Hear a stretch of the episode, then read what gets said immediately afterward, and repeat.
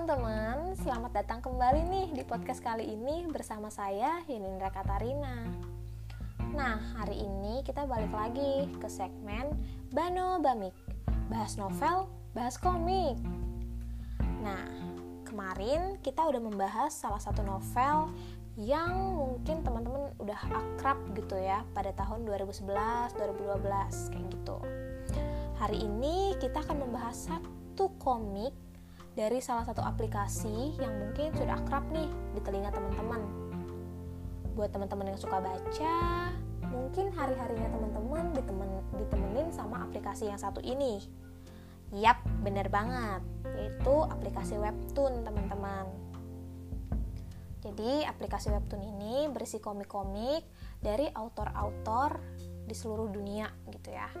Tidak terkecuali siapa pun bisa tuh ngisi konten di situ Nah, kamu juga bisa teman-teman. Siapa tahu bisa jadi webtoon official dan dapat duit tuh dari situ. Nah, webtoon ini, aplikasi ini nih berisi berbagai macam komik dengan genre yang berbeda-beda.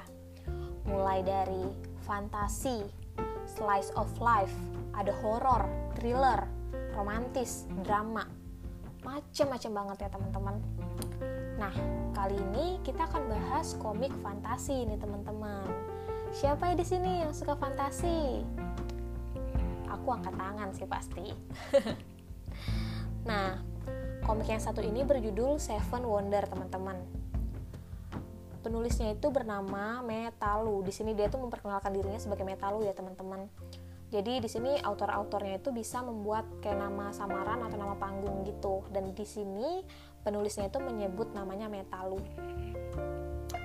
Uh, kita baca dulu ya biodatanya.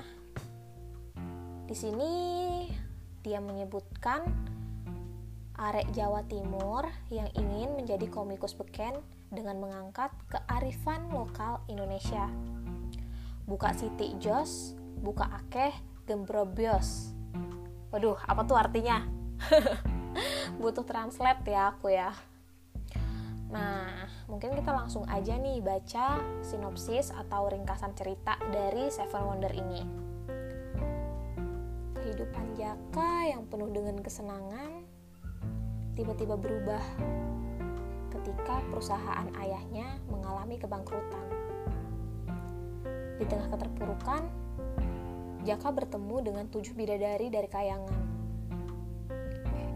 Apakah dia akan mendapatkan keajaiban yang bisa mengubah kehidupannya seperti semula? Wow, mungkin teman-teman yang pas kecilnya suka denger dongeng-dongeng atau legenda-legenda mungkin tahu nih dari sinopsisnya ini atau ringkasan ceritanya ini mengarah ke mana. Buat teman-teman yang suka budaya, legenda, atau komik-komik fantasi, yang penasaran langsung buka aplikasi webtoonnya langsung klik search terus langsung cari deh uh, Seven Wonder. Kalau menurut aku ya teman-teman karena aku juga segala genre tuh masuk kecuali thriller sama horor aku suka banget gitu. Kita bahas dulu dari segi cerita. Jadi mungkin aku ceritain sedikit bukan spoiler ya semoga tidak spoiler. Uh, aku cerita sedikit. Jadi si Jaka ini merupakan salah satu mahasiswa gitu ya yang tampan kaya raya dan apa ya kehidupannya menyenangkan gitulah. Kemudian di pertengahan perjalanan dia di kuliah tiba-tiba ayahnya mengalami kebangkrutan teman-teman di perusahaannya itu terus dia akhirnya kalau nggak salah nih dia uh, dijauhin gitu sama teman-temannya kemudian dia tuh jalan-jalan gitu kayak karena stres gitu kan. Tiba-tiba kehidupannya berubah pasti stres banget dong dia. Ya, akhirnya jalan-jalan sampailah dia di satu danau dan dia melihat ada tujuh perempuan yang sedang mandi mungkin teman-teman udah tahu ini mengarah ke mana gitu ya ceritanya. Terus dia mengambil satu selendang dan selendang itu adalah yang berwarna kuning. Itu adalah selendangnya kenanga. Bidadari berwarna kuning. Kemudian ya dimulailah perjalanan dia dan kenanga dari situ gitu teman-teman. Dari mungkin gimana ya? Ini tuh kayak mengangkat legenda-legenda dan dongeng-dongeng yang mungkin teman-teman dari kecil tuh udah denger kayak gitu ya. Jakarta Rup misalnya kayak gitu di disambung-sambungin terus tapi dikemasnya itu dengan kehidupan yang zaman sekarang kayak gitu ya teman-teman. Jadi uh, dikemas itu supaya apa ya mungkin supaya menarik juga gitu dikemas dengan uh, apa dikemas dengan cara yang baik dan dihubungin dengan kehidupan kita saat ini gitu ya. Misalnya si kenanga ini dia itu uh, bidadari yang pintar. Jadi si kenanga ini bidadari yang pintar dan uh, di, di kayangan itu dia itu kayak uh, apa ya kayak kepala badan riset gitu sih. Bukan kepala sih dia kayak anggota badan riset gitu dan dia ini pinter banget. Jadi dia me, apa mengembangkan teknologi yang ada di sana kayak gitu. Jadi bener-bener dikaitin sama kehidupan yang sekarang supaya kita juga relate gitu ya teman-teman. Terus ini tuh karena bener-bener mengangkat budaya-budaya yang ada di Indonesia ya kebanyakan tuh dari Jawa. Jadi misalnya kayak dikaitin sama Nyi Roro Kidul terus e, kenapa bisa nyambung terus ternyata keluarganya Jaka itu adalah e, apa namanya punya hubungan sama Nyi Roro Kidul dan bidadari juga kayak gitu. Jadi benar-benar apa ya itu tuh semuanya dikaitin. Dan misalnya mereka si autornya ini membahas soal Nyi Roro Kidul gitu ya. Mungkin teman-teman mungkin mikir ih dia ini ngebahas legenda tapi dikemas dengan hal yang modern berarti ntar budayanya nggak nyampe dong. Mungkin ada yang berpikir seperti itu. Tapi ketika di akhir cerita autornya itu juga menyelipkan sumber-sumber yang mungkin kita bisa baca kalau kita benar-benar tertarik sama budaya itu gitu. Jadi dia sedikit menceritakan e, garis besar dari legenda zaman dulunya itu yang yang apa ya benar-benar terjadi mungkin benar-benar terjadi di zaman dahulu kala. Atau uh, legendanya itu seperti apa dia tuh jelasin di akhir cerita gitu di akhir episode. Jadi bener-bener mengedukasi kita juga gitu ya tentang budaya-budaya Indonesia budaya-budaya Jawa tentang Jakarta Rup dan sebagainya. Itu bener-bener dijelasin di di akhir. Mungkin karena ini apa ya ceritanya itu fiksi jadi kita nggak bisa terlalu percaya juga sama cerita yang dibuat sama autornya. Tapi ke, karena di ending episode dia itu menyelipkan cerita uh, legenda yang sebenarnya jadi kita bisa belajar juga gitu loh dari situ. Suka banget sih jujur aku suka banget sama si jalan ceritanya. Bagaimana hmm, karena ada budayanya tuh kita juga sambil refreshing kita juga sambil belajar gitu soal budaya Indonesia. Karena nggak banyak tahu uh, autor-autor yang ngangkat soal budaya seperti ini di komik atau novelnya gitu ya teman-teman.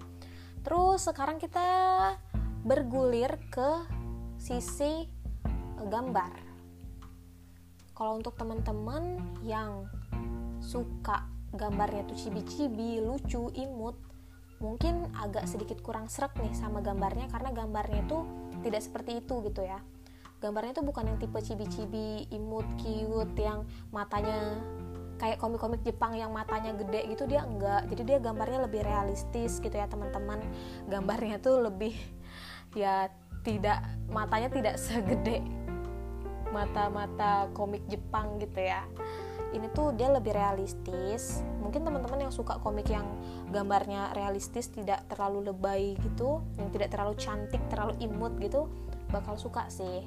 Tapi penggambaran-penggambaran bagaimana sayapnya itu dia bentangkan itu aduh itu benar-benar sangat bagus sih. Kayak ketika kita ngelihat apa ya penggambaran dia dengan tentang bidadari tentang e, iblis misalnya tentang ratu segala macam budaya, dan legenda itu kayak wah gila penggambarannya itu bagus banget. Kayak misalnya uh, apa ya legenda-legenda zaman dulu tuh yang mungkin kita nggak bisa bayangin ya. Karena misalnya misalnya nih bahasnya soal uh, Nyi Roro Kidul gitu. Mungkin kita nggak punya bayangan gitu. Kita cuman bisa lihat-lihat di apa namanya Google doang. Tapi ketika kita ngelihat sisi versi kartunnya tuh yang kayak wah bisa loh dia ngegambar sebagus ini gitu ya nah si komiknya ini cukup populer ternyata teman-teman jadi translatean ini tuh sudah ditranslate ke berbagai macam bahasa teman-teman Wah, luar biasa banget ya. Ini ada 1, 2, 3, 4, 5, 6, 7, 8, 9, 10, 11. Wow. Ke 11 bahasa, teman-teman. Entah sudah berapa banyak orang dari luar negeri sana yang udah ngebaca soal budaya Indonesia, teman-teman. Keren banget ya. Jadi, ini udah ditranslate ke bahasa Polandia, Arab, Vietnam, Itali, Spanyol, Inggris, Portugal, Thailand, Prancis, Malaysia, sama Turki. Gitu teman-teman. Jadi wah peminatnya itu emang benar-benar banyak sih dan melalui komik si autor ini bisa melestarikan budaya yang pertama terus juga memperkenalkan budaya Indonesia ini ke berbagai ke berbagai macam negara gitu. Ke semua orang di luar negeri sana yang suka sama komik dan membaca ini bisa yang kayak wow ternyata budaya Indonesia kayak gini ya kayak gitu. Jadi melalui komik ini si autor juga bisa uh, memperkenalkan budaya Indonesia gitu ya teman-teman. Nah buat teman-teman yang suka sama cerita-cerita tentang kebudayaan yang tertarik sama budaya Jawa yang suka cerita fantasi menurut aku cocok banget deh kalian kalau pengen ngebaca ini gitu ya teman-teman. Dan ini episodenya tuh juga udah banyak jadi buat teman-teman yang pengen maraton baca itu bisa banget. Meskipun belum tamat ya teman-teman masih berjalan si Jaka ini masih memperjuangkan cintanya kepada Kenanga gitu ya yang Kenanga ini katanya ingin dilamar oleh saya aku lupa apa istilahnya pokoknya dewa yang matanya tiga gitu bidadara juga. Aduh sedikit spoiler sih tapi aku nggak bakalan cerita detailnya gimana teman-teman sekarang yang penasaran ya langsung searching aja langsung maraton aja baca semuanya karena episodenya tuh udah banyak banget. Udah ratusan deh kayaknya lebih deh atau lupa deh. Pokoknya episodenya tuh udah banyak banget. Teman-teman bisa langsung sekarang buka aplikasi webtoonnya cepet cepet cepet cepet buka aplikasi webtoonnya dan langsung searching Seven Wonders terus langsung baca deh maraton. Tapi yang punya tugas diselesain dulu ya tugasnya biar lega terus langsung deh refreshing pakai komik Seven Wonders ini Oke, gitu aja deh sharing kita hari ini. Daripada aku banyak cerita, nanti malah spoiler. Mending teman-teman langsung baca aja ya ceritanya, karena jujur itu menarik banget buat aku. Nah, sekian sharing kita hari ini tentang komik Seven Wonders dari Webtoon. Semoga apa yang aku ceritain ini bisa membuat teman-teman penasaran gitu ya dan pengen baca juga kayak gitu. Nah, teman-teman buat ada yang misalnya teman-teman punya saran, kita next episode bakal bahas apa, boleh banget langsung kasih tahu aku kita kira-kira bahas apa ya, teman-teman. Oke, kayak gitu aja. Sampai jumpa di episode selanjutnya.